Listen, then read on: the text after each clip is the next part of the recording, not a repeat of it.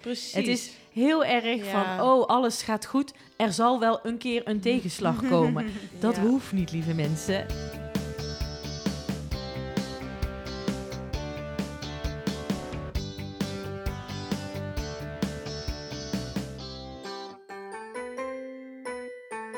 Welkom bij week 15 van jouw zwangerschapsweek. Een podcast van 24baby.nl. We hebben veel te bespreken in week 15. Diede deelt haar gouden slaaptip. We praten over duizeligheid. Wat je nou in hemelsnaam wel en niet mag eten. Uh, garnalen ook, dat is... Heb ik volop gegeten. Ja, en nu zegt ze, kan je toch beter niet doen? Oh, ik heb van de week nog echt een hele grote garnalensalade op. Ja, En wat je van de kraamzorg kunt verwachten. Want dat moet je dus serieus nu al gaan regelen. Voor we beginnen, eerst nog even dit. Deze aflevering wordt mogelijk gemaakt door EHBO Bureau. Als je kindje straks geboren is, verheug je je natuurlijk vooral op alle leuke dingen. Een cursus EHBO is dan misschien niet je eerste gedachte. Toch kan het heel slim zijn om tijdens je zwangerschap alvast te leren wat je moet doen in een noodsituatie. Dit geeft je zelfvertrouwen en zorgt dat je kalm blijft als het ooit nodig is. EHBO-bureau komt gewoon bij jou thuis. Zo leer je in een veilige omgeving van een gecertificeerd instructeur wat je moet doen bij een ongeval met je kindje. Kijk voor meer informatie op ehbobureau.nl. En dan nu op naar de podcast. Week 15 beginnen altijd bij jou, Diede. Hoe is het? Ja, goed. surprise, surprise. Heel saai, maar dan gaat het nou eens een keer niet goed. Nee, grapje. Hartstikke Nou, fijn. ik heb wel een grote buik. Dat ik denk, oh, ik, ik moet nog zo lang. Waarom is hij nu al zo groot? Ik krijg er ook echt opmerkingen over. Van, ben jij niet eh, pas zwanger, zeg maar? We Eh, vragen het even ja. aan de expert aan tafel. Maartje, heeft die er echt een hele grote buik met week Nee. 15? Nee? Oh, wat fijn. Gerust nee, maar daar kan, dat is echt zoiets, hè. Dat vrou- vrouwen krijgen zoveel opmerkingen over die buik. Ja. Ik zeg ook, als ik op het terras zit en ik zie tien zwangeren aan mij voorbij lopen, kan ik ook echt niet zeggen, die is zwanger van een eenling, zoveel weken, die heeft een tweeling, die is 38 weken. Hé, maar Diede, wat vind je ervan, van die opmerkingen? Wat zeg je dan terug als iemand zegt... Nou, je hebt ook wel een flinke buik voor 15 weken. Ja, dan zeg ik, ja, ik ben het wel met je eens. ja. ik kan het ook echt niet ontkennen. De- Ja, ik, ik vind hem best wel groot. Dus ja, dan... Maar ik draag hem wel met trots, hoor. Dus ik laat hem ook wel zien. Het is niet zo dat ik hem verberg. Soms heb ik wel echt een slobbertrui aan en heb ik er geen zin in, in al die opmerkingen. Maar in principe vind ik het wel leuk om dat mensen het ook kunnen zien. Ja, ja. maar bij jou zie je ook meteen dat het een zwangere buik is. Bij mij Ja. was het heel lang een buik van... Heeft zij nou gewoon iets te veel eh, pizza gegeten? Ja, Ja, Mijn, mijn opa zei dit ook tegen mij. Die zei ik zo, nee hoor, het lijkt gewoon alsof je te veel hebt gegeten. Ik zo, bedankt opa. Oh, dat, oh, dat is een hele fijne geruststelling. Ja. Ja. ja. En de borsten groeien ook fijn mee. Dus het blijft wel in proporties, zeg maar. Ik heb ook een truc ontdekt. Ja, me- mensen moeten dit horen. Dit is echt gewoon de belangrijkste tip die ik kan meegeven tot nu toe. maar ik heb dus s'nachts in bed dat ik wel eens wakker word... omdat ik dan ben gedraaid. En dan gaan mijn borsten de andere kant op hangen. En dat, dat is best wel pijnlijk soms. Dus wat ik dus... En ik werd er wakker van, van die actie wat ik aan het doen was. Maar ik heb dus zeg maar mijn deken zo tussen mijn borsten gefrommeld... zodat ja, borst 1 dan wat meer houvast had of ergens op kon liggen. En toen kon ik weer lekker verder slapen. Dus vrouwen die dit ook hebben, ja, speel met je dekens. Dat is echt heel belangrijk. Dus jouw nachtrust die is nu weer... Mijn Ik, nachtrust ehm, is weer goed. Ik neem deze tip ook mee aan mijn cliënten. ja. Nou, ik zweer echt na mijn twee bevallingen eigenlijk nog steeds... na mijn twee zwangerschappen zweer ik nog steeds bij mijn eh, voedingskussen. Ja. Ik slaap nog steeds omarmd met mijn voedingskussen. Het is echt Oh, ja. zo fijn. Maar dat is niet echt voor je borsten. Dat is meer voor je bekken en je buik en Ja. zo. Ja. Ja, En voor gewoon een knuffelmaatje. Oh, ik ik heb- een groot knuffeldier. Ja, Ja, een eh, vriend van een vriendin van mij die zei... ik ben verruild voor een worst. Ook een vriendin die ook altijd met haar voedingskussen slaapt. Maarten die slaapt zelf met een worst. Die heeft er zelf een, ja. Twee hoop ik. Nou ja. Wat ik elke week wil weten is... hoe groot is die baby? Week 15. Ik kijk naar Roos en naar Maartje. Eh, zo groot als een appel ongeveer. Ja, ik heb een centimeter of negen in mijn eh, documentje. 9 centimeter. Ja. Gebeurt er nog iets met de baby deze week... of is die gewoon lekker aan het eh, groeien? Nou, er gebeurt altijd van alles natuurlijk, maar vooral aan het groeien en ontwikkelen. Ja. Zijn er nog dingen die met het lichaam van de zwangere gebeuren deze week? Roos, zie jij iets terug in de community? Nou, heel veel duizeligheid kom ik tegen. Ja, dat is ook iets wat ik veel hoor van eh, cliënten.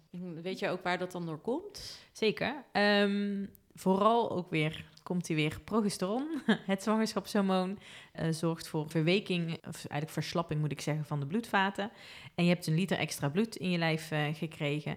Dus dat nou ja, hart moet wat harder pompen. En daardoor eh, kun je zeker bij een verandering van houding, dus van hè, liggend naar zittend, van zittend naar staan of lopen, af en toe wat duizelig zijn. Daarnaast kan het zijn dat je bloeddruk ook wat verlaagd kan zijn. Dus daar kun je ook wel duizelig van zijn. En een lage bloedsuiker. Heel veel dames vergeten dat dat ook nog daarmee kan samenhangen. In de zwangerschap is het echt het advies om elke twee, drie uur eventjes wat te eten. Dat de bloedsuiker eh, stabiel blijft. Dus ehm, nou ja, dat is goed om eventjes naar te kijken. Want veel kun je ook niet aan die duizeligheid doen. Dus vaak ook wel weer iets wat voorbij gaat. Maar ja, let even op de houdingen, op de momenten eigenlijk waarop je duizelig bent. Diede, heb jij geen last van duizeligheid, flauwtes, dat soort dingetjes? Nee, gelukkig niet. Ik eh, moet even afkloppen, denk Ja. ik. Ja, nou fijn. Nou, ik wil er even bij zeggen, want we hadden het net al over van eh, alles gaat goed. N- Niks hoeft op een weegschaaltje gelegd te worden hè, in een zwangerschap. Een Nee. zwangerschap kan hartstikke goed gaan. En daarbij kan ook gewoon een schitterende bevalling en een fijne kraamperiode eh, horen. Want Precies. het is heel erg Ja. van, oh, alles gaat goed. Er zal wel een keer een tegenslag komen. Dat Ja. hoeft niet, lieve mensen. Nee, en het kan ook negen maanden rot zijn en niet een bevalling die in je bevalwensenboekje voorkwam en een vervelende kraamperiode.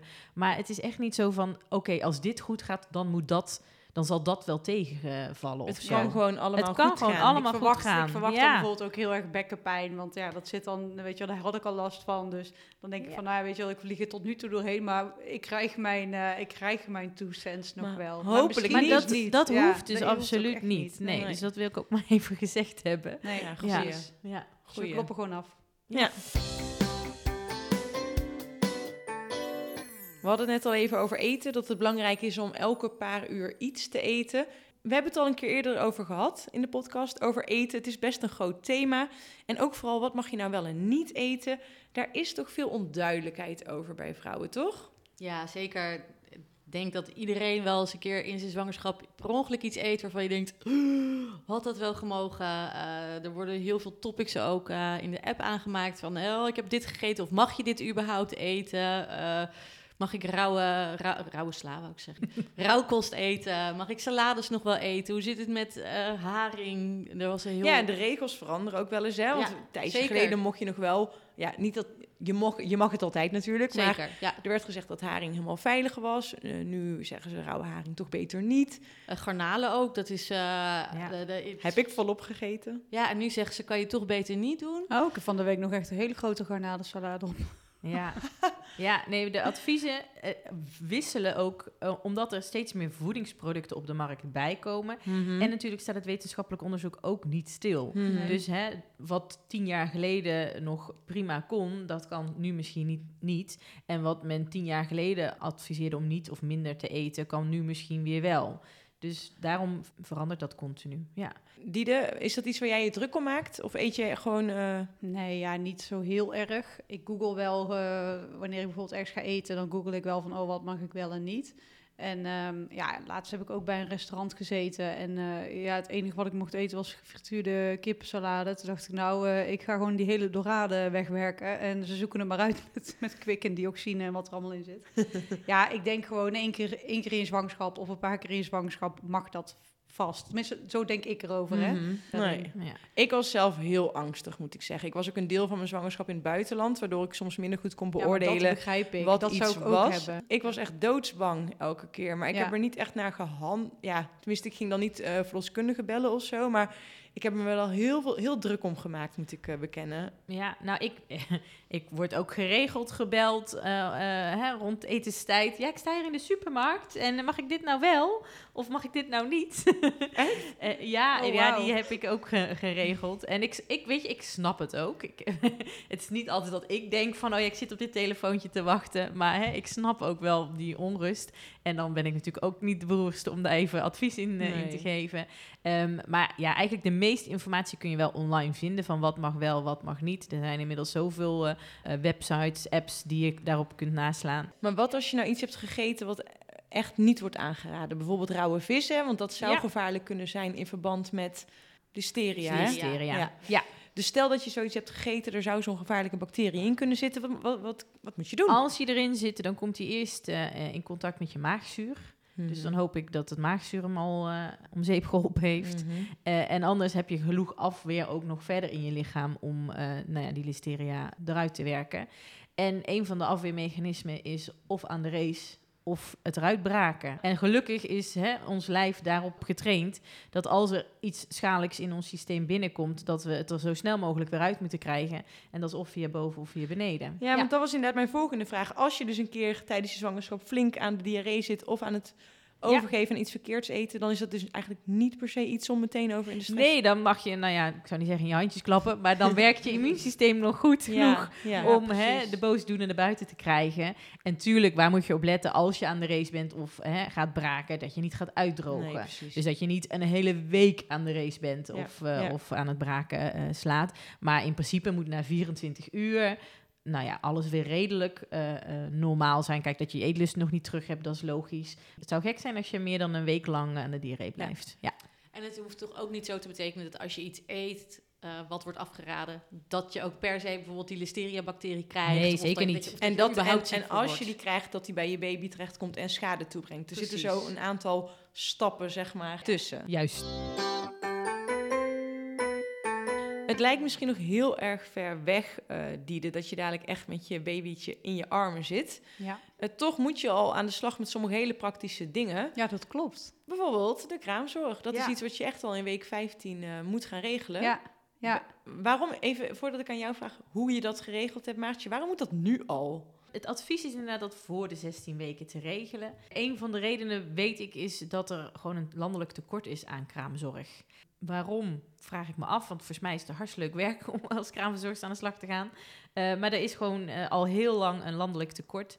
Eh, en officieel zou een kraamzorgbureau je mogen weigeren eh, na de 16 weken, want dan ben je tussen hè, aanhalingstekens te laat met het regelen. Ja, het gaat ook vaak via zorgverzekering, het regelen van je kraamzorg. dus die- willen dat ook op tijd weten. Ben jij er al uit, eh Diede? Ja, zeker. Dat ging heel snel. Ik heb praktijk gebeld en ik heb gevraagd, eh, wat raden jullie aan? En eh, daar kwamen een paar uit. Ik heb gewoon eigenlijk de eerste gekozen die ze, Maar heb je, eigenlijk, opnoemde. heb En, je eigenlijk een idee van wat je ervan kan verwachten? Want Kijk, ik hoop heel erg ontzorgd te worden door Daan, mijn, mijn vriend. Maar denk dat Daan wel hulp daarbij kan gebruiken, vooral in die eerste weken. Want ik wil me gewoon heel erg kunnen focussen op eh, borstvoeding. En eh, ja, weet je wel, krijgt, krijgt mijn kind wat, wat hij wil. Ik moet gewoon met dat kind bezig zijn. Dat vind ik gewoon eh, prioriteit nummer één. En met En- je eigen herstel. en met je eigen En, mijn- Ja, en met mijn eigen herstel, ja. Ja, die wou ik ook niet vergeten. nee. Ja, dat klopt. Maar dat, dat betekent eigenlijk dat je dus niet veel kunt doen. Dus ja, je kunt dan maar be- ja, dan ben je gewoon bezig met het Maar kind. wat- En verder kun je dus niks, omdat je dus aan het herstellen bent. Zo moet ik het eigenlijk Maar zeggen. concreet, wat denk je dat kraamzorg dan doet? Nou, ik, ik hoop heel erg dat ze mij kunnen verzorgen, inderdaad. Mhm. Dus eh eh, verschoon mij eh, maar of ik weet niet wat er allemaal moet gebeuren. Maar ook, ja, hoe gaat het dat ze signaleert of het wel of niet goed gaat met borstvoeding. Of ehm, dat ze signaleert of het wel of niet goed gaat met wat ik zelf eet. Of weet je wel, dat soort dingen. Dus ik hoop dat ze mij gewoon daarin heel erg verzorgt. Dat zijn mijn verwachtingen. Maar ik moet ik zeggen, ik heb me er nog niet in verdiept. Je hebt ook nog even de tijd, toch? Ja. En ik kan je daar eh, alvast wat verder op weg helpen. Ja. Graag. En ja, een kraamverzorgster, inderdaad, wat je zegt, over het algemeen toch wel vrouwen. Die komt eh, in principe acht dagen eh, bij je kramen, zoals we dat zo leuk noemen. En dat Ja, is mooi vanaf, ja, vanaf dag één dat je bevallen bent, noemen we dat dus ook dag één, tot en met dag acht, of pre- wel precies een week na jouw ehm, bevalling. En die helpt eigenlijk alles inderdaad rondom moeder en kind. En uiteraard betrekt vader ook bij de verzorging van. Dus zij eh, ja, zijn eigenlijk, ik zeg ook wel eens, de ogen en oren van, ook ons als verloskundigen. Om te helpen, wat je zegt, bij borstvoeding. Om de controles bij jou te doen. Ontwikkel je geen koorts? eh, krijg je Ja. geen borstontsteking? Hoe zit het met hechtingen? Genezen die netjes? Eh, kun je weer fatsoenlijk plassen? Hoe is het met je ontlasting? Bloedverlies? Nou ja, maar wat, eh, wat eh, eh, zaken te noemen. Ja. En ze kijken natuurlijk hoe gaat de transitie van dit kindje, wat eerst in de buik zat, naar het leven op het droge. Ja, dus, dus- wegen. Ja, ze kijken Ja. van hoe gaat het met de voeding, hè, borst- of flesvoeding. Krijgt het kindje dus inderdaad voldoende binnen? Nou, een van de manieren om daarachter te komen is inderdaad te wegen. Maar dat is niet de enige manier. Je kijkt ook van hoeveel poept een kindje, hoeveel plast een kindje, houdt een kindje zich op temperatuur. En als een kraamverzorgster denkt, hey, dit is niet volgens het boekje, dan neemt ze altijd heel laagdrempelig ook contact eh, met, eh, met mij, met eh, de verloskundige op, om samen te kijken van, is hier extra zorg eh, bij nodig? Heel. Heel bijzonder beroep. Heel bijzonder. Nou, zeker. Ja. Ja.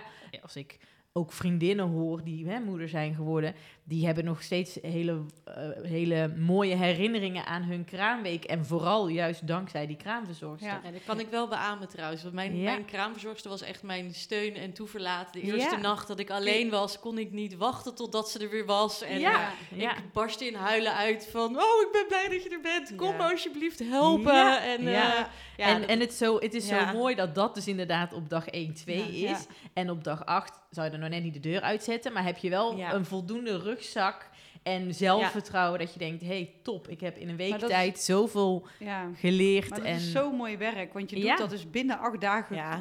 Ja. klaar je die klus als kraamverzorgster. Dus dat is echt al... Ja, ik kijk daar dus best wel naar uit om gewoon...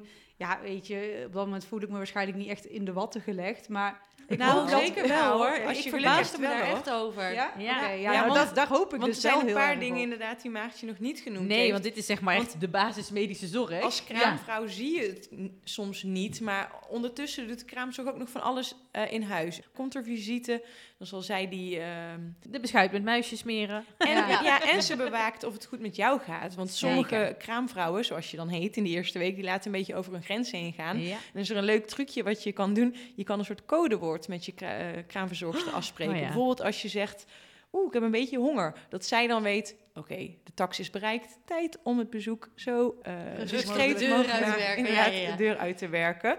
Ja, ik ben ook nog wel heel erg benieuwd. Kijk, je hoort nou succesverhalen. Wij zijn super blij met onze kraamzorg. Maar wat nou als je helemaal niet ligt met je kraamzorg? Ja. Wat, wat heb je dan voor opties? Mag je nog overstappen? Of mag je dat gewoon aangeven? Of... In een kraamweek overstappen wordt lastig. Ja, of bij, je, bij het Maar- bureau aangeven. Van, Ja, eh, nou het ligt er dus een beetje aan wat voor kraamzorg je regelt. Hè? Want het is niet zomaar alles is hetzelfde. Het kan best zijn dat jij na eh, één eh, eh, dag of één opstart denkt van nou hier heb ik totaal geen klik mee. Ik wil graag liever een ander. Kijk, bij een grote bureau kun je natuurlijk iets makkelijker bellen en zeggen joh heb je nog een ander op de planning staan? Laat die dan morgen maar komen. Bij een kleiner bureau is dat natuurlijk al wat lastiger. En bij een ZZP'er, iemand die dus gewoon echt zelf als kraamverzorgster werkt, is dat ja, bijna onmogelijk. Maar daar is het voordeel van, die heb je al in jouw zwangerschap leren kennen. Die is al een keertje op intake geweest. Komt rond de 30 weken vaak nog een keertje op huisbezoek. Dus ik bedoel, hè, je hebt al iets meer kunnen doen om een vertrouwensband voor je kraamweek op te bouwen. En dat is natuurlijk ook het voordeel van een ZZP'er. Ik heb er wel even naar gekeken, inderdaad, naar een ZZP'er. Maar ik vond het ook wel weer spannend om dat te doen. Plus ze zat ook inderdaad vol. Ja. En ik heb het echt vroeg geregeld. Echt al met, eh, ja, wat is het, 12, 11 weken of zo al. Ja, ja. Ja, en als je dan dus nu een kraamzorgbureau of een ZZP'er hebt gekozen, die komt dan tijdens je zwangerschap één keer bij je thuis, toch? Ja. Ja, minstens, zou ik zeggen. En Mhm. Het ligt er een beetje aan. Sommige ZZP'ers komen wat vaker. Die komen zeg maar net na een aanmelding en dan bij 30 weken of zo nog een keertje. Standaard is vaak wel een beetje zo rondom de 30 weken. Ja. En heel veel mensen denken, oh, dan moet dus alles op orde zijn. Ja, Want die komt ook. dan met een checklist langs Jij om te kijken... heb ik wel voldoende hydrofiele Ja, luiers? ja. Heb ik wel een thermometer in huis? in huis? Ik was eigenlijk een wel leuk uit? Ik was teleurgesteld dat ze dat niet deed. want Nee. Ik had alles op orde. Ik denk dat ik heel blij ga zijn dat ze dat niet doet. Ja, ik wou net zeggen, de een zal denken, oh fijn, want het huis is nou één grote bende. En Ja. de ander zal zeggen, oh niet. Nee, het is echt gewoon die eerste kennismaking. En nogmaals, even van wat is de verwachting? Ja. Want als jij denkt van, oh ja, ze komt mij daar helemaal lekker pamperen. eh, en dat gebeurt niet. Ja, dat is ook een, nou, dan zou het negatief kunnen uitpakken. En dat is natuurlijk niet de bedoeling. Volgende week is week 16 Diede. Eh, Ja. Je kan niet wachten, denk ik. Nee, ik leef hier echt naartoe. Want Dat is echt zo, van in de zwangerschap leef je van moment naar moment. Maar ja, ik heb dus volgende week mijn pret-echo. We gaan het horen. Ja. Tot dan. Doeg! Leuk dat je luisterde naar week 15 van jouw zwangerschapsweek. Je hoorde net als altijd de zwangere Diede, verloskundige Maartje, Roos van 24 Baby en mij, podcastmaker René. Volgende week in de podcast. Ja, klopt. Ja, ik had dus inderdaad eh, heel erg wel de voorkeur en ook het gevoel dat het een meisje was. En Daan die zei van, nou ja, het maakt mij allemaal niet zoveel uit. En, eh, en wij, eh, ja, wij deden de pret-echo en... Wat een cliffhanger, hè?